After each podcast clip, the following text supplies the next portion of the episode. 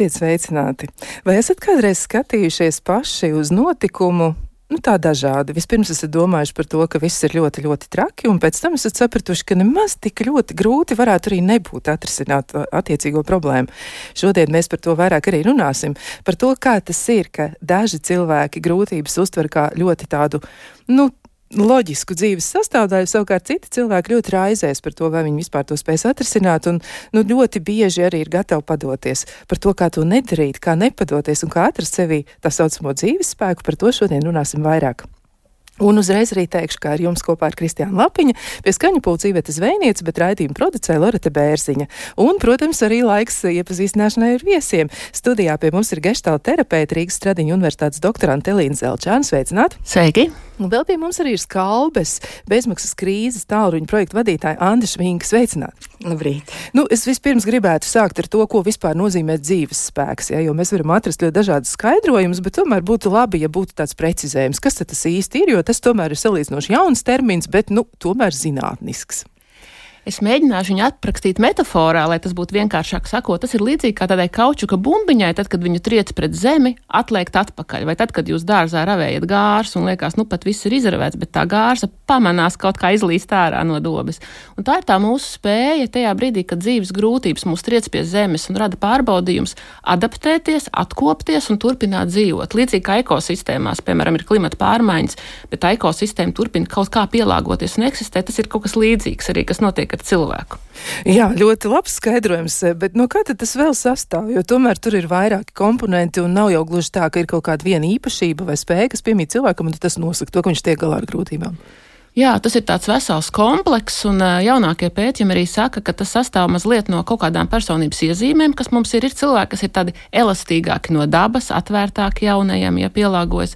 Tā tā tāda viena bāze, bet otra lieta ir arī tas, ko mēs esam iemācījušies, mūsu domāšanas ieradumi no ģimenes pārņemtie modeļi. Kā, teiksim, mamma, tētis pārējie rīkojās grūtībās, tas, ko mēs esam redzējuši. Un galu galā arī tas, tās pašas līdzinējās grūtības, kuras arī savā ziņā ir norūdījušas. Bet te gan es gribu pateikt ar vienu, bet ir tas teiciens, kas mūs nenogalina, padara mūs stiprākus, bet līdz vienam brīdim, ja mūs tas trieciens triec viens, otrs, trešais, tad tāpat kā kokam laužot to atvasīt nost, vienā brīdī var nolauzt ļoti tālu, un tad ir ļoti grūti atkopties. Nu, tad tas koks vairs neaugs. Jā, būs, jā. Eh, viss, viss būs beidzies. Bet, eh, nu, varbūt vēl arī var tā konkretizēt arī, kur tas izpaužas, ja? jo, nu, mēs varam arī to atpazīt droši vien cilvēkos, vai tas dzīves spēks ir, nu, tādā, kā saka, labā līmenī, vai arī tā pieeja pietrūkst? Nu, tā viena, laikam, tā galvenā lieta būtu saprast, ka es pats esmu atbildīgs par savu dzīvi. Un būt atbildīgam nenozīmē vienmēr būt stipram, pateikt, man ir jātiek galā pašam. Protams, tas nozīmē arī lūgt palīdzību, ja ir vajadzīgs. Bet tas ir stāsts par to, ka nevis es palieku par to upuri un es saku, viss ir slikti un es neko nevaru darīt, bet es uzdodu sev jautājumu, kas ir labākais šajā situācijā, kā es varu turpināt eksistēt, un varbūt pat, ja es šobrīd neredzu risinājumu, kā es varu izdzīvot šo mirkli līdz brīdim, kad es varbūt to risinājumu ieraudzīšu. Un tā atbildība varētu būt tāds viens atslēgas vārds - risinājuma meklēšana, koncentrēšanās uz iespējām, nevis uz šķēršļiem, un vispār tāda spēja adaptēties un nevis iestrēgt kaut kādā manā galvā risinājumā, kurš ja nenotiek, nu tad viss bet būt gatavam arī citādam risinājumam, varbūt neierastam risinājumam, atvērtība. Jā, nu vēl arī um, saka tā, ka, piemēram, emocija regulēšanas prasmes, ka tas arī ir viens no tādiem būtiskiem komponentiem, un ja mēs runājam par dzīves spēku, varbūt to var mazliet vairāk ilustrēt, jo, nu tā ir, ir tādi ļoti, ļoti grūti un smagi brīži, Un cilvēks nu, tiešām izjūt milzīgu emociju gūzmu, un tur ir arī daudz mm -hmm. nu, bezpalīdzības izjūta vai mm -hmm. vēl kaut kas. Jā, tas arī ir ļoti svarīgs aspekts, un es gribētu teikt, ka laikam pie tās emociju regulācijas pirmais punkts ir atzīt, pieņemt to, ka tas ir normāli un ka es neesmu tajā situācijā viens. Jo tas ir ļoti saistīts arī ar tādu jēdzienu kā līdzjūtība pret sevi, jo ja tu atzīsti, ka šim, kam es eju cauri, pasaulē ir tik daudz cilvēku, kas ir cauri tam. Jā, man ir žēl, ka tā ir noticis, bet es esmu laipns pret sevi. Es nesāku to sliktumu padarīt vēl sliktāku ar to, ka sevi nosodu un bāžu dziļāk tajā bedrē. Jā, nu vēl tas varētu būt arī droši vien par to priekšstatu, par to, kā tas ir, jo reizēm mēs sakām, tajā brīdī, kad mums ir grūti, mēs sakām, mums ir grūti, noticis tas un tas, bet tad, kad citi cilvēki tiek ar kaut ko galā vai arī, nu, viņiem izdodas kaut ko atrisināt, mēs ļoti bieži sakām, viņiem veicas, jā, un tad mm -hmm. viņi tiek galā. Kāpēc mēs tā uztveram dzīvi? Nu, redz, mēs jau neredzam to aizberga leju. Mēs redzam tikai to, ka cilvēkam veicas, vai viņš tiek galā, bet mēs neredzam, kāds ir tas ceļš bijis līdz tam brīdim, kā viņš tur ir ticis galā. Un tad, kad mēs redzam tikai tās fasādes, vienalga Instagramā, sociālos tīklos vai runājot, mēs neieraugam varbūt to apakšu. Tāpēc man liekas, ir tik ļoti svarīgi, ka mēs miedarbojamies, ka mēs dalāmies viens ar otru un stāstam arī par grūtībām, par to, ko mēs esam pārvarējuši. Jo tas arī dod to iedrošinājumu, ka, zini, bet reku man kaimiņienē tā bija, reku es zinu, man tur vienam radiniekam, reku draudzenei. Bet ja viņi rāda tikai to labo fasādi, mums liekas, ar mani tikai tas ir noticis. Ja? Tāda unikāla situācija, jā. E, es pie viena arī gribētu klausītājiem atgādināt, ka jūs varat stāstīt arī par savu pieredzi un dalieties ar to. Un, protams, ka ir vairāk veidi, kā to var darīt, un viens no tādiem, nu, tiešām ļoti uh, ierastiem veidiem ir sūtīt ziņojumu, ziņojumu mājaslapā, izmantojot Latvijas rādio, e-pasta um, arī opcijas, jūs arī to varat darīt, jā, klausītājs um, radio, Latvijas radio.lv, un otrs variants arī, kā jūs varat to darīt, ja pat trešais, jau var jau teikt, ir WhatsApp numurs, kurš ir 2566 0440. Nepiemirsties arī par šo iespēju. Un, ja jums ir kas sakāms, vai jums ir kāda ideja par to, kā saglabāt dzīves spēku, vai jums ir arī sava pieredze, kā jums tas ir izdevies kādā ļoti grūtā situācijā, mēs aicinām jūs dalīties ar šo pieredzi, jo iespējams, ka tas ļoti varētu iedrošināt kādu citu cilvēku.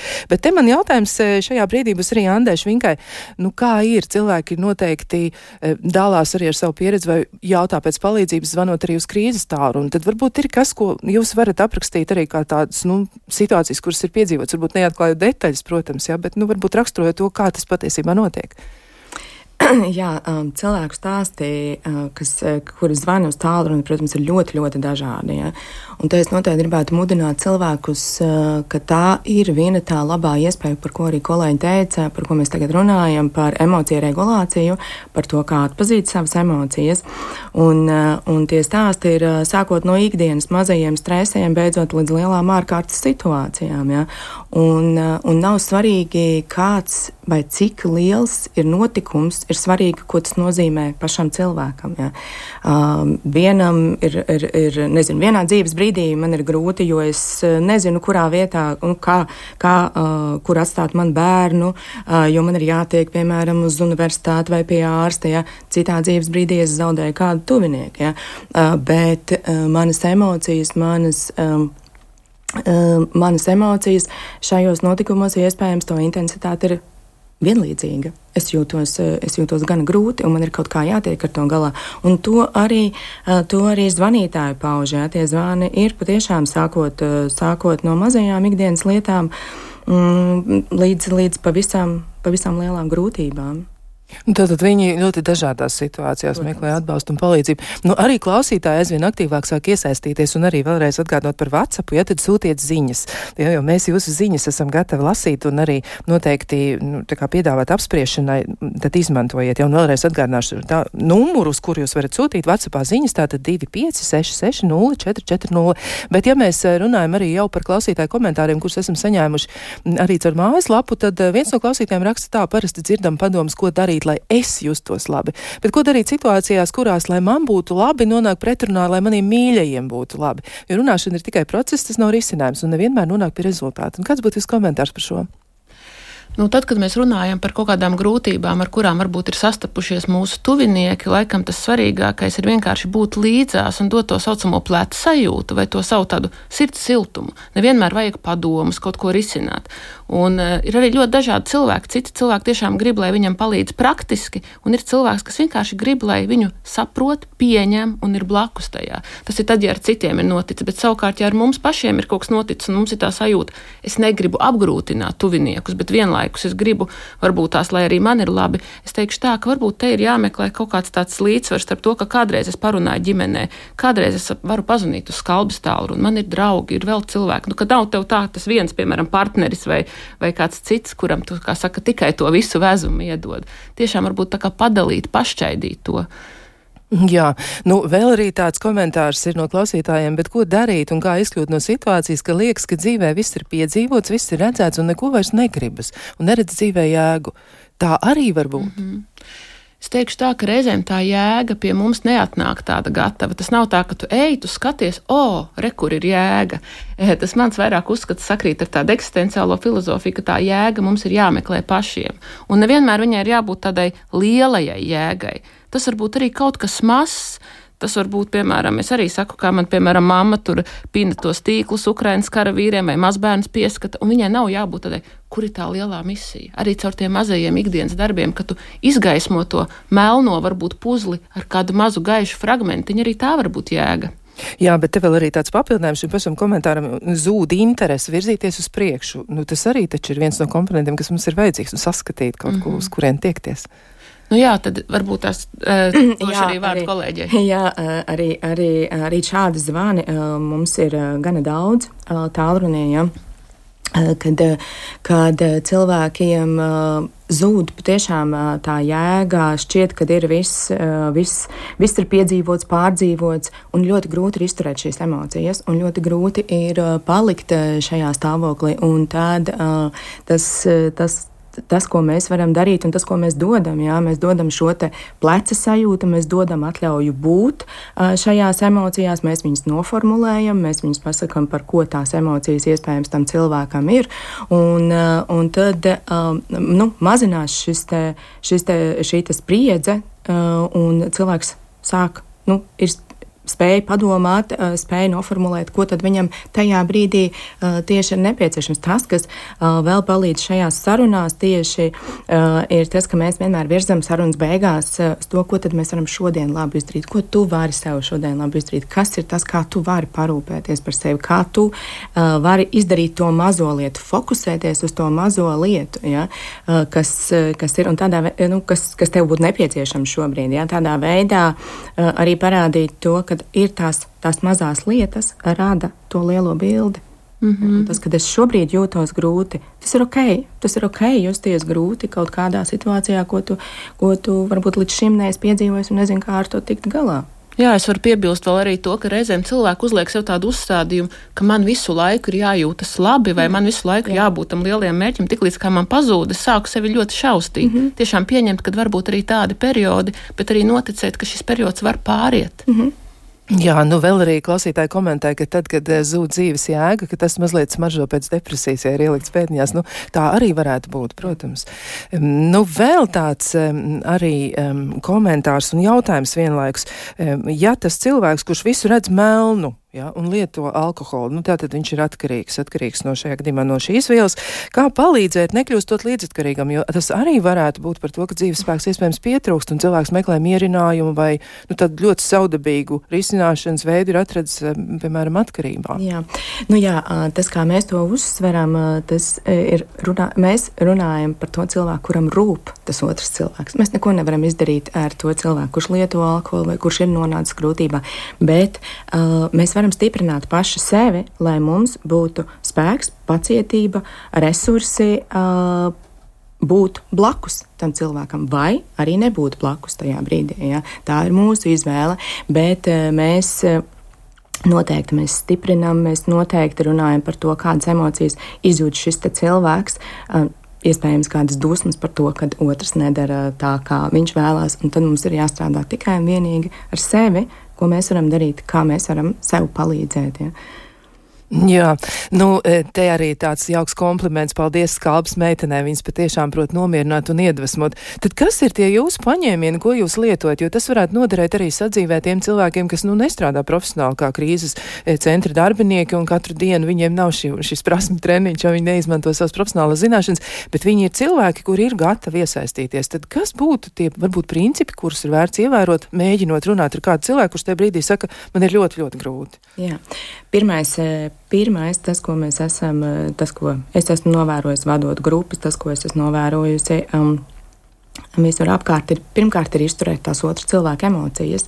Ja kāds saka, ka uh, viņam ir grūti, kas notiek ar mums, mēs sākam, mēs sākam just līdzi, un tas ir pilnīgi normāli. Mēs uh, satraucamies, un mums ir grūti izturēt uh, tās otras cilvēka emocijas. Tas, ko dara skalba speciālisti pie tālruņa, tas ir viens no veidiem. Mēs vienkārši esam blakus, mēs izturam šīs, šīs emocijas, mēs ļaujam viņas piedzīvot, mēs ļaujam viņas būt, mēs nenosodam un mēs nedodam padomus mēs uzklausām cilvēku, palīdzam viņam tajā, tajā apjukuma brīdī, tajā haosā, noformulēt, par ko tad viņš kā viņš jūtas un par ko viņš jūtas. Tieši tā, kā viņš jūtas. Ja? Piemēram, nezinu, dusmīgs par to, ka vīrs nav atnācis mājās. Ja? Un, un tad, kad cilvēks ir tā nomierinājies, mēs uzklausām bez vērtējuma, un cilvēks pats nonāk līdz savam risinājumam. Ja? Jo mēs nekad nevaram iedot uh, otram mm, padomu, jo mēs neesam tas otrs. Mums tās kurpes nedara, ja? tās dara tikai mums. Un tie ir tie galvenie tie pamatprincipi - būt blakus, spēt uzklausīt, spēt dzirdēt grūtas lietas, um, nenosodīt, nevērtēt un neiedot padomu. Jā, nu tad eh, vēlreiz arī atsaucoties uz klausītāju komentāru un lūgumu, lūgums eh, mums ir vēlreiz nosaukt WhatsApp numuru 2566 0440. Nu, lūk, bet vēl par komentāriem runājot, viens no klausītājiem raksta izklausās ļoti labi, bet es pēc savas dabas esmu kautrīgs, kluss un draugi saka gļēvs, un tas nozīmē, ka man vispār nepiemīt dzīves spēks, un arī šis formulējums, kāpēc draugi saka gļēvs, nu, tas varbūt nebūs gluži piemērotākais apzīmējums vienkārši kautrīgam un klusam cilvēkam. Jā, es negribētu tagad uzreiz ielikt kastītē, piemīt, nepiemīt. Ja, jo tas nenozīmē, ka tagad introverti cilvēki, kas nerunā vai vairāk patur sevī lietas, ka tagad viņi nav dzīvesspēcīgi. Ja jau tas cilvēks turpina iet, nezinu, uz darbu, eksistēt, dara lietas, gan jau kaut kāda dzīvespēka līmenis viņam piemīt. Tā kā to vispār ir grūti izmērīt, jo dzīvespēks nav kaut kas tāds, ko mēs paņemam, iedodam, man liekas, tikai ar tādu vienu testu. Mēs varam tikai kaut kādu aspektu ieraudzīt. Ja, tas ir drīzāk vairāk tāds abstraktāks tas konstrukts. Mēs runājam drīzāk par tādu tendenci. Ja, Nu. Šeit es noteikti arī gribu piebilst, ja um, arī mums ir daudz zvanītāju, kas pēc tam atzvana un pasaka milzīgu paldies, un tas saskan kopā ar to dzīvespēku, jo tā mazā grūtība vai lielā grūtība, kas viņam ir bijusi iepriekšējā telefona sarunā, kur viņš ir ticis uzklausīts, kur viņš pats ir sapratis, kas ar viņu notiek, iedod viņam tā dzīves spēka līmeni mazliet augstāk. Un viņš, uh, viņš, viņš um, novērtē to un atzvanot, uh, pasakot to, ka, ok, forši, es tiku ar šo galā, es ticu tagad sev. Ja? Mm. Paldies jums, ka jūs tur bijāt, bet es tiku ar to galā. Ja? Un tas palielina atkal par mazu solīti šo dzīves spēku. Jā, un es varbūt tur piebilstu arī, teiksim, ja klausās vecāki un domā, nu kā es kā vecāks varu palīdzēt bērnam, piemēram, kas man aug stiprināt dzīves spēku, ja, teiksim, eksāmeni nāk vēl kaut kas, ja. Un tā ir arī tā spēja dot bērnam tādus mazus izaicinājumus, mazas grūtības, kur viņš viņus var pārvarēt un dabūt to pozitīvo pieredzi, bet es taču ar šito tiku galā. Mm. Un tad atkal, un es taču ar šito arī tiku galā. Un tas ir tas, tā ir tā, ko psiholoģijā sauc par pašu efektivitāti, jeb ticību saviem spēkiem. Jā, runājot eh, par introversiju un, un cilvēkiem, kas ir šādi, man liekas, ka viņi vispār tiek diezgan pamatīgi diskriminēti. Ja, jo cilvēks, kurš ir tāds tiešām iekšvērsts, ja, un viņam tā psihiskā enerģija cirkulē iekšpusē, nu tā vienkārši izsakoties, nu tiešām viņam bieži vien nākas e, nu, saskarties ar tādām zināmām grūtībām un izaicinājumiem, ko par viņu domā citi, un iespējams tā ir papildus slodze. Mm -hmm. Jā, nu vēl runājot arī par, par klausītāju bažām un arī par to, ko viņi saka. Nu viens no klausītājiem raksta, precīzāk klausītāji, viņi raksta, ko darīt, ja visu laiku ir domas par iespējamo kāru. Man ir bail. Pārņem izmisums par to, ka nesaprot, kā, ja tas būs rīkoties, lai paliktu dzīves. Ja? Nu, tad arī šīs bažas, protams, ir nākušas klāt, jo pasaule ir tāda, kāda tā ir, un mums uz to arī ir jārēģē. Tad ko ar šo lai iesāku? Jā, es domāju, ka te ir jāpielieto kāds no tādiem nu, tā stresa mazināšanas algoritmiem, kad mēs cenšamies nošķirt nu, teiksim, tos faktorus, kas ir šobrīd mūsu varā, no tiem, kas nav, tad atkarībā no situācijas vai nu lietojam kādu tā saucamo problēmu vērstu stratēģiju, kaut ko darām fiziski, nu vienalga izdomājam, turam skaidru naudu, sakrāmējam, kā saka šo somu, nu, teiksim, emocionāli saprotam, ka ir kaut kas, ko mēs varam izdarīt šobrīd, un ir kaut kas vienkārši, kur mums ir jāiemācās dzīvot arī tajā neziņā vai nenoteiktībā. Mm -hmm. Jo man liekas, ka tā ir arī tāda 21. gadsimta cilvēku problēma - gribēt visu kontrolēt un nespēt pieņemt nenoteiktību un neziņu. Tas ir ļoti, ļoti liels faktors, kas var radīt trauksmi. Jā, nu, tas, ir, tas ir sarežģīti. Nu, vēl viens no komentāriem arī eh, viena no klausītājiem mums raksta, es esmu viena un ļoti slima, un tik slima, ka nevar pat iziet no mājas, bet man ir Dievs, kuram uztic visu. Bet man ir arī daudz draugu, kuriem vajadzīga palīdzība, un es viņus uzklausu, cik varu un palīdzu dažādos veidos. Ir cilvēki, kuriem ir smagāk nekā man, un manā nespējā Dieva spēks parādās. Ja? Nu, tā tad varens, kā klausītāji raksta. Droši vien arī šis uh, ir iespējams ceļš, ko, nu, varbūt daži cilvēki izvēlas, un arī tas varētu palīdzēt. Ja? Laikam taču tomēr ir atšķirīgs pieredzes. Jā, noteikti. noteikti. Un arī, um, arī tas, ka mēs palīdzam citiem, uh, tas arī, uh, ja, man, ja man ir grūti, nu, ne tik grūti, lai es vispār neko nevaru darīt, ja. bet uh, caur palīdzību citiem mēs arī, tas jau ir pētījumos tagad ir pierādīts, ja, ka tas ceļ mūsu um, pašapziņu un mūsu šo labsajūtu. Ja. Un, un kā arī, arī ticība dievam vai kaut kam augstākam, ja, mums katram ir savas, savas tās stiprās puses, kas mums palīdz justies kādā grūtā brīdī labāk. Jā, es varu piebilst, ka ir ļoti svarīgi, ka tev ir kaut kāds tāds lielāks ietvers, kur tu to savu dzīvi ievieto, ka tā dzīve nav tikai tās, piemēram, sāpes vai tas zaudējums, ka tas ir tas viens puzles fragmentiņš, kurš šobrīd ir melns, bet ka tu ieraugi, ir vēl kaut kas, kas manu dzīvi veido. Mm -hmm. Jā, tas nav viss, tā slimība nesmu es viss. Jā, tā tad ir kaut kas vēl. Nu, vēl arī atbalstot šo, šo jūsu izteikumu, gan, gan viens, gan otrs eh, studijas viešņas izteikumu, arī viens no klausītājs komentāriem. Man ir pār 70, un kas tik dzīvē nav piedzīvots. Bija laiki, kad viss bija jāsāk no jauna, bet ne mirkli nebija domu, ka es un ģimene neizdzīvosim. Jā, varbūt kādam tāda pielāgošanās liksies nejauka, bet es ar to izdzīvoju. Es nevienam neko neesmu, neesmu nevienam nodarījis sliktu, bet rokas nekad nenolaidu. Kad viss zaudēts, mierīgi sāk no jauna, un viss izdevās arī tagad, kad dzīvoju vien, nejūtos vien vientuļa. Man nav garlaicīgi pašai ar sevi. Galvenais, lai acis redz, ausis dzird un pati kustos un par sevi rūpējos. Un ka tikai nebūtu atkarīgai no citiem, lūk, no tā es baidos, tad gan nebūs jēgas dzīvot. Nu, jāsaka, tiešām ļoti spēcinoša pieredze, kas iedrošina citus cilvēkus, jo arī citiem tā notiek, ka liekas, ka dzīve sabrūk pavisam un viņi sāk no jauna. Kas vēl varētu būt tāds, kas stiprina cilvēkā šo spēju atgriezties pie sākuma, jo tas ir grūti? Nu, es veicu pētījumu par to, kas cilvēkiem ar chroniskām sāpēm palīdz uzturēt dzīves spēku. Jo tu iedomājieties visu laiku, katru dienu mosties, un tev visu laiku kaut kas īd, kaut kas sāp. Un tad viens no elementiem, kas tur parādījās, bija prieka aktivitātes. Vienalga, kas tas ir par prieciņu, bet mēģināt apzināti meklēt, vai tas ir hobijs, vai tā ir aizraušanās, vai aizmiršanās, kaut kas, kas tev iedod prieku. Tas bija ļoti, ļoti svarīgs elements. Otra lieta - palikt arī fiziski aktīvam. Vienalga, kādam tas nozīmēs desmit pietupienus, kādam tas būs iet staigāt, varbūt desmit kilometrus, kaut vai minimāli, bet arī nu, ķermenim iedot to fizisko aktivitāti. Tā ir arī tāda svarīga lieta. Jā, nu vēl padoms arī no klausītājiem neskaudiet, netenkojiet, meklēt pozitīvo un beidziet gausties, ka viss ir slikti paskatieties, kas notiek pasaulē, ne mums zemestrīces, ne vulkāni, ne karu. Nu tiesa gan, jā, ar tiem vulkāniem mums ir īpaši paveicies, ja ka mums viņi nav. Mm, tiešām mēs varam teikt, ka tā ir tāda laba lieta. Nu, droši vien arī tas, ja spēt pamanīt to labo, ja, kā, kā Elīna saka.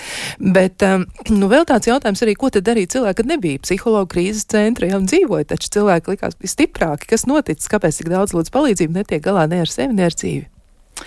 Vai tas ir tāds droši vien kāds garāks jautājums iztirzāšanai, bet es teikšu arī tā, tad, kad mums kļūst ļoti daudz laika domāt, mēs mēdzam aizdomāties visu ko un arī ne to, kas mums palīdz. Ja? Tā kā tāda pārmērīgi liela, kā angliski saka, tas overthinking, vai es pat nezinu, kā to latviski pateikt, pārāk liela domāšana arī kādreiz nav labi. Jā, jo kādreiz, tad, kad tev tiešām ir darbs un tu esi noguris un saguris un tu domā par to, kā paēst, un nākamā dienā tikt atkal uz ķepām, tad tev nav laika domāt, vai man ir depresija. Bet es negribu, protams, to nonievilēt, mm. jo depresija ir reāla. Es tikai gribu teikt to, ka reizēm šī grūtsirdība arī, kas mums ir, viņa arī nāk no dažādiem citiem faktoriem. Tas nav tā viennozīmīgi. Jā, un, un, un tas, ko Mēs piedalījāmies vienā projektā, un es arī skatījos, tas, kas, tas, kas izraisa uh, iespējami tādu, nu, tādu grūto domāšanu vai, vai, vai uzvedības, kāds ir garlaicība. Tajā brīdī, kad man kļūst garlaicīgi, ja, mani pārņem kaut kādas iespējams manas tieksmes, iespējams kaut kāda mana uh, domāšana, kas, uh, kur ir kādas domāšanas kļūdas uz negatīvismu vai vēl kaut ko. Ja. Un, uh, un, un par to garlaicību jau mēs uh, esam arī nu, paši atbildīgi. Ja. Jā, nu tā, nu tas ir. Nu vēl arī klausītāju ieteikums un tāds secinājums par sevi, ja, nu, kā pārvarēt mazās grūtībiņas, kā klausītāji raksta, ja, ka var paskatīties uz darbu no citas puses, ja, un tāda situācija, ka bija ļoti daudz jāgludina, un vienlaikus arī viņi, nu, klausītāji meklē priekš šajā te procesā, ja gludinot viņi domāja par to, kā viņi, nu, teiksim, attiec pret savu dēlu vai apmīļo vedekli, ja, un gludinot viņu drēbes, viņi par to domāja, un tas ir savā ziņā arī ļoti palīdzoši. Bet uh, vēl tomēr arī man gribētos. Um, nu, studijas viešņas aicināt komentēt arī šādu te, eh, man liekas, ļoti izplatītu lietu, kas sabiedrībai tiešām arī nu, ir raksturīga un, un reizēm mums pašiem dara pāri. Proti par to, ka mani audzināja ar apziņu, ka, ja radās eh, problēma, tā tad pati bija vainīga un pašai jātiek galā, bet sūdzēties ir vienkārši nepieklājīgi un tas liecina par tavu vājumu. Un šī mūžīgā vainas apziņa sēž manā zemapziņā, kaut arī savā dzīvē esmu laimīga un daudz ko sasniegusi. Jā, nu tātad tas ir par to vainas izjūtu, kas ļoti, ļoti traucēja justies labi, bet arī te piebild no klausītājs man bieži krīzes situācijās palīdz aktīva darbošanās, piemēram, virtuves skapīšu tīrīšana, logu mazgāšana, grāmatu lasīšana, kaut vai aiziešana uz kino vai izstādi. Šis ir brīnišķīgs ieteikums, bet par to vainas izjūtu. Varbūt tomēr tur varētu arī kādu komentāru dot par šo, jo droši vien diezgan daudz cilvēku jūtas ierobežoti tajā, viņiem ir nērti prasīt kādam palīdzību vai lūgt atbalstu. Jā, nu jā, ar vainas sajūtu um, ir, ir diezgan, diezgan grūti, jo tā ir viena no smagākajām sajūtām, ko piedzīvot, un viņa, viņa spēja paralizēt. Ja? Un, un, un tādu cilvēku, kuri zvana tieši uz tālruni ar vainas sajūtām, ir ļoti daudz. Un, uh, tas, ko mēs, tas, tas, ko es jau iepriekš minēju, tas, ko mēs darām, mēs palīdzam, at, nu, palīdzam mēs uz, uzklausām šo vainas sajūtu, mēs, mēs uh, palīdzam noformulēt, par ko tieši viņa ir. Ja? Un tad cilvēkām, kā jau neskaitāms reizes atkārtošās, ta, tas palīdz, tas mazina to spriedzi, tas mazina to sajūtu, kad uh, es nevaru vairs darboties, ja? ka man tā vainas sajūta ir līdzstāvoša tur kaut kur, ja? bet noformulējot tieši par ko tas ļoti, ļoti palīdz tālāk funkcionēt. Jā, un es varu piebilst arī to, ka nevienmēr mēs tā ātri viņu varam dabūt ārā mm. no sevis, bet reizēm ir tas teiciens, sāc rīkoties un mm. emocijas sekos. Tu vienkārši sāc darīt, vienalga tie virtuves skapīši vai kaut kas. Nevis tāpēc, ka tev ir iedvesma to darīt, bet tu vienkārši dari un tu zini, ka vienā brīdī kaut kas tev tur pārslēgsies. Ja? Tu nesagaidi to, ka tev jau uzreiz būs, vai ne? Tā sajūta, ka tev gribas. Jā, nu tā, nu tas ir, bet šis ir brīdis, kad jūs varat mēģināt atrast to mazo prieciņu, kaut vai aiziet pēc tējas tasas, jo mēs eh, satiksimies šajā sarunā pēc īsa brīža. Kā labāk dzīvot? Mēs turpinām sarunu par to, kā saglabāt spēju dzīvot un spēju pārvarēt grūtības. Jeb precīzāk, to mēs varētu aprakstīt kā nu, tādu ar vienu vārdu izmantot dzīves spēks. Tas, kas mums pašiem būtu jāattīst, vai arī ko jābūt, varē, vajadzētu mēģināt arī pilnveidot, ja nu mums gadījumā tā spēka kādā brīdī tiešām ir par maz. Bet, eh, lai mēs varētu vairāk varbūt apspriest to un tā ļoti realistiski, uz ko raudzīties, mums ir arī kāda nu, tāda ļoti jauka iespēja paklausīties, kā tad klājas citiem cilvēkiem cilvēkiem. Un šajā gadījumā es jums piedāvāšu manas kolēģis ierakstīto saruna ar Cēsu novada vecpiebalgas eh, biedrību, vecpiebalgas rūķi, eh, jo tur šī biedrība darbojas, un ja sākotnēji biedrības mērķis bija atbalstīt trūcīgas ģimenes, tad tagad katru gadu pārtiku, apģērbu un citas nepieciešamas lietas biedrības pārstāv ved ap 30 ģimenēm, kas nonākušas īslaicīgās grūtībās, gan finansiālu iemeslu, gan arī veselības vai citu apstākļu dēļ. Un eh, kā tad tur viņiem klājas, kā viņi palīdz viens otram par to, tad arī būs šis ieraksts. Klausāmies! Andis Kurpnieks ir jauns vīrietis un ir vienīgais pelnītājs ģimenē, kur aug meita. Zaudējot dzīvesvietu, ģimene kredītā nopirka vecu lauku māju. Dzīvoju no padomju laikiem, no kolhoz mājā. Un tā kā īpašnieki uzrādījās, no mājas mani met ārā. Un mums nebija kur palikt. Paņēmu kredītu, 10 tūkstoši, jo māja ne, nebija dzīvojama. Tas ir jāremontē. Un, tieši pirms tā Ukrainas kara. Un domāju, labi, visu nomaksāšu, un es taču strādāju. Andis strādā pašvaldībā un alga nav liela. Maksājot kredītu 200 eiro mēnesī, Pērn pienāca brīdis, kad ģimene meklēja palīdzību biedrībā vecpiebalgas rūķi. Ņemot to kredītu, jūs tā kā rēķinājāt, cik tad jums tur būs liela tie maksājumi mēnesī? Jā, jā, jā. es rēķināju, lai varu savilkt galus kopā. Bet, nu, sanāca tā kā sanāca vienā mēnesī, kad nevarēja savilkt. Palīdzēja pamperus nopirkt bērnam veselam mēnesim tur uzreiz pārtiku iedeva. Mājai jā, palīdzēja, iedeva man krāsas, špaktulis, lai es varētu ielikt tur durvis un tā tālāk. Es pats aizēju pie brāļa šeit uz pusdienām. Brālis uzaicina, viņš saka, ka savādāk zupa jāmet ārā. Galvenais, nu, lai ir pāēdusi meita un sieva. Un pārējais man tā kā īsti neuztrauc. Un mājas lēnām, lēnām, lēnām garā. Ir man naudiņa, kaut kāda 50 eiro mēneša beigās palikuši. Es iegūstu materiālos. Ir grūti prasīt palīdzību. Ļoti, ļoti grūti. Nezinu, ar šīm novada reformām viss tā izmainījies, un naudas pašvaldībām nav. Un visi grib attīstīt tikai pilsētu. Nezinu, kāda tā nākotne būs. Jo es redzu nākotnē, ka tos cilvēkus tik daudz nevajadzēs, ka gribēs no viņiem tikt vaļā. Ja jau no skolām grib tikt vaļā, grib tikt vaļā no pasta nodaļām, tad jau arī vajag tikt vaļā arī no tādiem cilvēkiem. Es tā, tā to redzu. Es ceru, ka uh, apdomāsies mūsu deputāti, ka viņi padomās par laukiem arī ka vajag laukus attīstīt. Nu jā, es saprotu, ka šobrīd tāda īsta risinājuma jums nav. Ne, īsta risinājuma man nav. Pagaidām man palīdz brālis un māte. Ja? Kartupeļus es izaudzēšu turpat tās pie mātes mājās. Ja? Jāstrādā, protams, vairāk būs. Es jau tā jau vairāk strādāju. Ir piedāvājuši, ka nu, nāc uz pilsētu, jā, nu, strādā, jā, un celtniecībā. Jā, es piekrītu, es varētu tur iet, es tur varētu pelnīt, bet es, es neredzu vairs ģimeni. Esmu pusi nomaksājis un, no desmit tūkstošiem, un no otras puses jāmaksā vēl. Es ceru, ka, ja es nomaksāšu kredītu, tad man to pabalstu nevajadzēs prasīt. Un es ceru, ka nākotnē arī sieva atradīs kādu darbu. Nu, nezinu, kur pagaidām, bet ir cerība. Maija Tunte ir biedrības vecpiebalgas rūķa pārstāve un rāda nelielu koka namiņu vecpiebalgas centrā, kur ik viens var atstāt to, kas pašam liekas. Redz, ka vēl kaut kas ir no pārtikas augšā. Jā. Mums ir noteikumi, ka šeit var atnest jebko no pārtikas, bet lai būtu ar garantiju, jaunas drēbes iepakojumā un arī jebkuru lietu, kas tev ir pāri, bet kvalitatīva, jauna, nesabojāta. Traukus te nes, teiksim, cilvēks audzē tomātu dēstus, viņam paliek pāri. Viņš šeit visus podiņos rindā saliek. Visu, un jebkurš var atnākt jā, un paņemt. Jā, tas ir domāts jebkuram, ne tikai tiem, kuram ļoti, ļoti vajag. Māja Tunte stāsta, ka biedrība cenšas atbalstīt tās ģimenes, kas nonākušas īslaicīgās grūtībās un paši grib savu dzīvi mainīt uz labo pusi. Jandis, viņš pats ir celtnieks, viņš pats remontē māju, un mēs viņam ļoti palīdzam tieši ar celtniecības materiāliem, jo to visu viņš liek lietā. Ir apsolīts, ka mēs laminātu viņam nopirksim, un tad viņš arī viņu izliekot varēs ievākties mājā.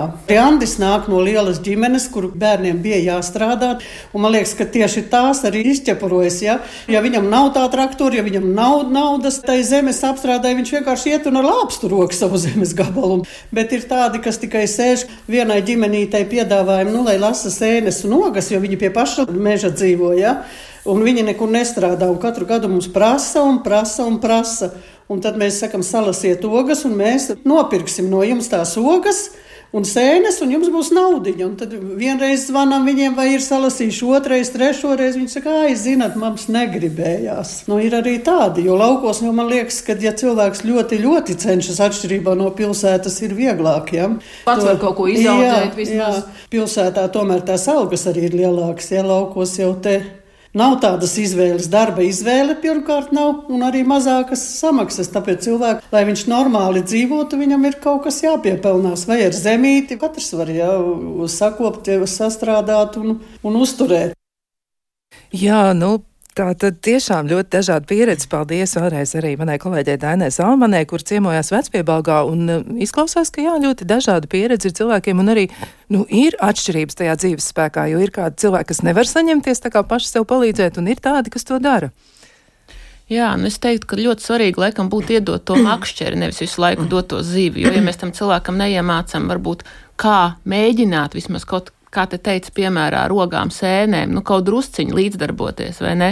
Tad tas arī ir, rada to sajūtu, nu, ko tad, nu, ko tad es, es jau neko, man galvenais iedos visu gatavu. Ir ļoti, ļoti svarīgi mudināt arī cilvēkā to ticību, ka es varu kaut ko, jo tad, kad tu vienreiz tos ar, kā, ar lāpstu iestādītos kartupeļus novāks, un tu zinās, ka tu vari, tas tev arī dos to ticību un to cerību, ka arī nākamreiz tev izdosies. Jā, nu vēl arī klausītāji komentēja mm. šo visu un e, raksta tā, ka es uzskatu, ka kustībā ir tas dzīves spēks un možs gars, jā, ļoti ļoti jauks, tā, jauka tāda piezīme. Nu, lūk, un nu, vēl arī tāda mm, jauka ziņa, paldies, ka ziņas un viedokļus lasat nenosaucot sūtītāju vārdus anonīmi, jo kuram tad gribas, lai par tevi zina, ka ir problēmas un netiec galā. Tas tiesa, jā, droši vien cilvēkiem gribas saņemt atbalstu, bet nevienmēr gribas, lai, nu, kā kāds uzzina, ka es, lūk, esmu tas cilvēks, kas prasa palīdzību. Tieši, nu, tā arī varētu būt, tādas, tādas izjūtas varētu būt. Nu, vēl arī tāds jautājums par to, ko te darīt. Ko darīt darīt situācijā, ja otram, ja partnerim vispār neinteresē tas otrs cilvēks, ja, un tas partners ir pārņemts tikai ar sevi. Un šajā gadījumā klausītāja raksta, ka runa ir par vīru. Viņš vispār negrib uzklausīt, un ja kaut ko saka, tad visur viņam ir pieredze, viss viņam ir bijis, ja, un viss viņš ir pieredzējis. Tad eh, kā ar to lai sadzīvo, ja, jo viņu neinteresē klausītājas eh, dzīve, viņas darbības, notikumi, un arī par pārējo ģimeni viņš neinteresēs. Un viņi saka, nu, ka 20 gadus jau tā ir, un ka viņi vairs nu, īsti nevar šo izturēt. Tad kā rīkoties šādā situācijā? Droši vien pirmais ir uzņemties atbildību par to, ko es, pa, ko es pats vēlos, kas ir tas, ko man vajag, kas ir tas, kas man ir svarīgi un kas ir, kas ir man būtiski. Ja? Un arī mūsu tālrunī tādu zvanu ir uh, gana daudz. Protams, ka vienmēr ir nepieciešams kaut kāds laiks, kaut kādi soļi, lai mēs pieņemtu atbildīgu lēmumu pret sevi. Bet uh, tas, kā mēs jūtamies, uh, tas, kā mēs rīkojamies, tas, kā mēs uzvedamies, tā ir mūsu atbildība. Mūsu katra atbildība mēs nevaram uh, neko darīt kā jau es atkārtošos ar otru cilvēku, ja? bet būt līdzjūtīgam. Nezinu, ja ir, ja ir iespēja piezvanīt uz tālruni vai uh, saņemt kādu atbalstu, izrunāties ar kādu citu cilvēku, ja? kas ir tas, kas man traucē, kas ir tas, kas man ir grūti. Ja? Un te es saklausu gan dusmas, gan izmisumu, ja? gan visu kopā uh, par to, kad tā dzīve šobrīd man nav tāda, kāda es vēlētos, bet tikai es pats varu sākt kaut ko darīt ar viņu. Jā, un es varbūt vēl piebilstu to, ka ļoti bieži tāda neapmierinātība rada tieši tās gaidas, kuras tu nepiepildi. Tu turpini 20 gadus gaidīt, un tu nedabū. Un varbūt, ka tajā brīdī, kad tu pieņem, ir divi varianti. Vai nu tu paliec un pieņem, ka nav un nebūs, bet mm. es esmu, vai es eju prom, bet tā pieņemšana. Jo tad pārstāja mm. tevī visu laiku kurbulēties tā neapmierinātība. Jā, nu vēl klausītāji arī tieši tāpat atzīmē, ka zvans draugam tas ļoti palīdz. Mm -hmm. Ja ir kāds cilvēks, kas uzklausa noteikti var zvanīt. Nu, vēl jautājums eh, no klausītājiem, ko droši vien arī paši speciālisti savā starpā apspriež, ja, vai eh, speciālisti redz saistības ar sociālo tīklu, piemēram, Instagram, Facebook lietošanu un depresiju, skumjām un dzīvespēku zudumu. Kā tad ir? Jo tomēr mūs ietekmē tas, kas ir ap mums un arī tas, kur mēs, kā saka, dzīvojam. Es varbūt neteiktu tā kā tieši šauri, ka tikai sociālie tīkli, bet es teiktu vispār šī te vide, kurā mēs rādām bieži vien šīs maskas pozitīvās. Ja tā var būt arī nesociālo tīklu, tas var būt arī nezinu, pensionāri, kas aiziet un viss labi, man liekas, ka man nav labi. Jā. Tā kā es domāju, ka tas ļoti lielā mērā ietekmē. Nevelti mums ir tas teiciens latviešiem, ka dalīta bēda, pusbēda, dalīts prieks, dubulta prieks, jo tad, kad mēs dalāmies, mēs ieraugam, cik mēs kaut kādā ziņā esam līdzīgi savā trauslumā, savās ilgās pēc maiguma, pēc atbalsta. Un pat it kā visstiprākajam cilvēkam arī viņam kādreiz ir vajadzīgs atbalsts. Jā, un mēs arī tālrunī arī esam saņēmuši zvanus tieši par šo tēmu, kad, kad ir tik grūti, es esmu jaunā māmiņa, un es redzu tī, sociālos tīklos, ja, kad tai mammai iet labi, tai iet grūti, ja, um, ja, un, un, un ir grūti pieņemt, kad, kad Tieši tā, ka mēs, kad, eh, ka mēs redzam tikai to fasādi, ja, man ir grūti pieņemt, ka, um, vai tiešām man vienai tā ir. Ja, un tad ir ļoti svarīgi un būtiski normalizēt to, ka tu vari tā justies, tu, tu neesi viena. Ja. Tā ir tikai daļa, tā uh, sociāla tīkla ir tikai daļa no tās dzīves, ko cilvēki izvēlas parādīt. Jā, varbūt arī tas savā ziņā viņiem kalpo kā tāds mehānisms, ko viņi izmanto, Jā. lai paši sevi uzmundrinātu. Viņi parāda uz dzīves Jā. skaistāko daļu, bet mēs uztveram to kā tādu nu, visu realitāti. Bet eh, nu, kas varētu būt tādi faktori, kas palīdz dzīves spēku pilnveidot? Kas ir tie ieteikumi, ko mēs varētu dot klausītājiem? Nu, pie kā tad viņiem mēģināt vai nu piestrādāt, vai arī varbūt uz ko paraudzīties, kas varētu palīdzēt šo dzīves spēku attīstīt? Mm -hmm. Nu, tas jau, ko es pieminēju, tās prieka aktivitātes, arī būt fiziski aktīvam, vēl ko es varu pateikt, šī sociālā miedarbība, un ir ļoti svarīgi, lai mēs meklējam cilvēkus, kas mūs uzlādē. Jo, ja mēs runājam, nu, tas, ko mēs tautas valodā sakam, nu, toksiski cilvēki, nereti gadās, ka viņi ir arī mūsu ģimenē, mēs viņus nevaram izvēlēties, tad ir ļoti svarīgi atrast domu biedrus. Vienalga, tie būs internetā, tie būs reāli cilvēkus, kas mūs ceļ. Ja, tas ir ļoti, ļoti būtisks šis atbalsts. Un, eh, nu, vispār ir ļoti būtiski tas, ka mums ir kaut kāds mērķis. Tas ir tas arī, par ko klausītāji teica tajā brīdī, kad man vairs nav mērķa, kad man nav intereses, ir grūti, jo mēs varam izdzīvot tad, kad mēs zinām, dēļ kā dzīvot, kad mums ir kaut kāda virzība. Ja, jo katrs asniņš, katrs koks, viņš aug uz augšu, jo viņā ir tas iekodētais. Redz, cilvēkam ir tā brīvā griba un cilvēks izvēlās. Tas, kā mēs, tā, tas, kā mēs tālrunī um, sakam, Un kā mēs darām, ka mēs uh, palīdzam cilvēkam atspērties uz tām lietām, kas viņam jau ir izdevies. Ja? Un mēs vēršam fokusu uz to, kad paskaties, kas tev ir izdevies līdz šim, kas tev ir izdevies šodien, un kas tev ir izdevies vakar, un ko tu darīsi šodien, un ko tu darīsi iespējams rīt. Tās ir tie mazie mērķi, kas tajā grūtajā brīdī palīdz uh, nostabilizēties un, un, un sazemēties un saprast nu, to realitāti. Ja, ok, forši es varu. Es vakar, man izdevās vakardien uh, kāda maza konkrēta lieta, šodien es izdarīšu mazu konkrētu lietu, un par maziem solīšiem tā uh, tas kļūst par ieradumu, un tad tas. Tad Un tad tas dzīves spēks kļūst ar vien lielāks. Jā, jūs minējāt arī vārdu ieradums. Es gribētu arī teikt, ka tie ieradumi ļoti daudz ko veido. Jo sākumā varbūt tas mums liekas grūti, tas prasa milzīgu piepūli, bet kaut kādā brīdī, tad, kad ir pagājuši, nu, kā mums tur speciāli saka, 28 vai 3 dienas, tad tas tiešām ir kaut kas, ko tavs ķermenis jau prasa. Vienalga, vai tā būs fiziskā mm. aktivitāte, vai tā būs mīja darbība, vai kas cits, ir ļoti, ļoti būtiski reizēm tiešām darīt, pat tad, ja tev iekšēji varbūt pat negribas. Jā, nu vēl arī droši vien varētu būt tāds eh, labs ieteikums, un, un tas ir tajā sadaļā, kā tad rīkoties, tad, kad ir šie sarežģītie dzīves notikumi, nu tā varētu būt tāda līdzcietība un empātija pret sevi. Nu kā to pilnveidot un attīstīt, kā izturēties labi pret sevi?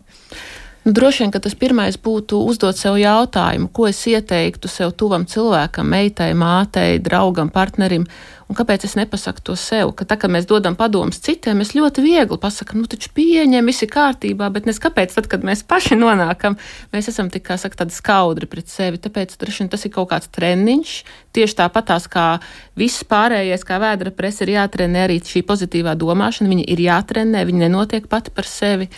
Un, eh, un laikam otra lieta ir tiešām ieraudzīt to, ka ar, ar to sastopas daudz cilvēku. Tā ir tā vispārējās cilvēcības mm. atzīšana, kas neesmu viens tajā. Jā, tas varētu ļoti palīdzēt.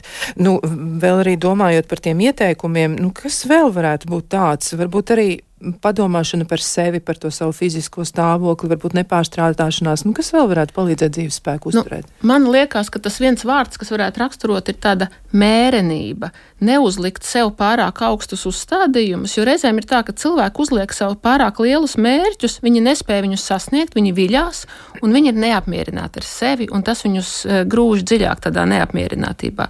Tad, kad mēs tos mērķus uzliekam mazākus, realistiskākus, mums ir prieks, mums veidojās tas saucamais dopamīns, jeb atalgojuma hormons, no tā, ka man sanāca. Man arī šis pulkstenis, kur es eju soļus, un agrāk es uzliku tikai 10,000, 10 un viss. Un, ja es biju nonākusi kādus 4,000, man liekas, es neizdarīju, man nav spēka, bet tagad es uzliku, man ir minimālais, optimālais un maksimālais plāns. Es par saviem 5,000 priecājos. Nekas, man bija grūta diena, bet es maz izdarīju minimumu. Un tas ļoti maina. Arī šī varbūt ir tāda laba doma saprast to par sevi, ka enerģijas līmenis arī var atšķirties. Mm -hmm kādā situācijā varbūt mums vairāk tieši šī spēka, un citādi situācijā mums varbūt mazāk. Nu, kas vēl ir tāds, ko jūs ieteiktu darīt, lai cilvēkiem tomēr ir nu, lielākas iespējas pašiem virzīt savu dzīvi uz priekšu? Kas ir tas, kas liekas nu, tas, nu, no svarīgs? Jā, tas droši vien, kas no, nu, kā, no tālruņa skatu punktu skatoties, mēs vienmēr, ja mēs paskatāmies cilvēku jau no senseniem laikiem, Tad uh, sākumā cilvēki gāja svētdienās uz baznīcu. Viņi socializējās, viņi izrunājās, viņi parunājās. Mums ir draugi, uh, kuriem mums grūtī, grūtos brīžos mēs viņiem piezinām vai priekos. Ja? Tāpat ir arī šāds tālrunis, Un tas tā ir izrunāšanās, atzīt, kā pieņemt to, ka man šobrīd ir grūti, man vajag kādu bez nosodījuma, man vajag kādu uh, vienkārši to pleca sajūtu, un es nepalikšu no tā atkarīgs, ja, vai es nepalikšu no tā vairs. Nē, es tieši labāk sapratīšu sevi un, un izrunāties, un uh, tas. Uh, Tas mums ir bijis dabā vienmēr, vienmēr, vien, nu, visos laikos. Ja? Un, uh, Es ticu tam, un vienmēr ticēšu, ka izrunāšanās ir tā lieta, kas palīdz. Ja? Protams, te ir iespēja runāt tik daudz, cik tu vēlies, ja? te ir iespēja teikt to, ko tu vēlies, ja? tevi nenosodīs. Un, un tādā veidā uh, mazināt šo savu diskomfortu un pieņemt, ka tas dažkārt tā notiek. Jā, es dažkārt jūtos slikti, un dažkārt es jūtos grūti, un dažkārt man vajag to sarunu. Ja? Jā, un... ir bijis, un es domāju, ka tāds arī vienmēr būs.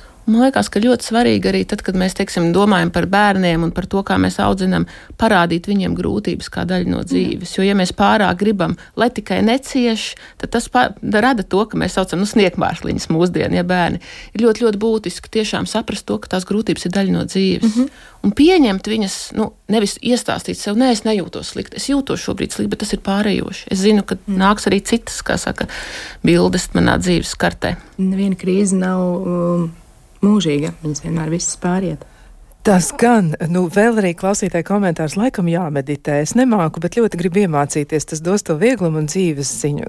Jā, mēs par meditāciju noteikti arī kādā brīdī varam parunāt. Mēs šo paturēsim prātā. Tas ir eh, ļoti jauks komentārs. Paldies par to, jo tiešām iespējams, ka vēl ir jāparunā par dažiem veidiem, kā mēs paši sev varam palīdzēt. Nu, vēl arī uh, ir. Uh, Tā ka, e, nu, te arī par tādām intīmām lietām, vai šis līdzeklis, e, kā zvans draugam, ja, e, ir, ir arī noderīgs tad, ja kādam nav intereses, piemēram, par intīmo dzīvi. Nu, iespējams arī, ka šo situāciju var apspriest vai nu ar draugu, vai arī zvanot arī uz to pašu krīzes tālu, un kāpēc gan ne, jo, ja pietrūkst intīmās dzīves un nav arī priekšējā jomā, var par to noteikti izrunāties.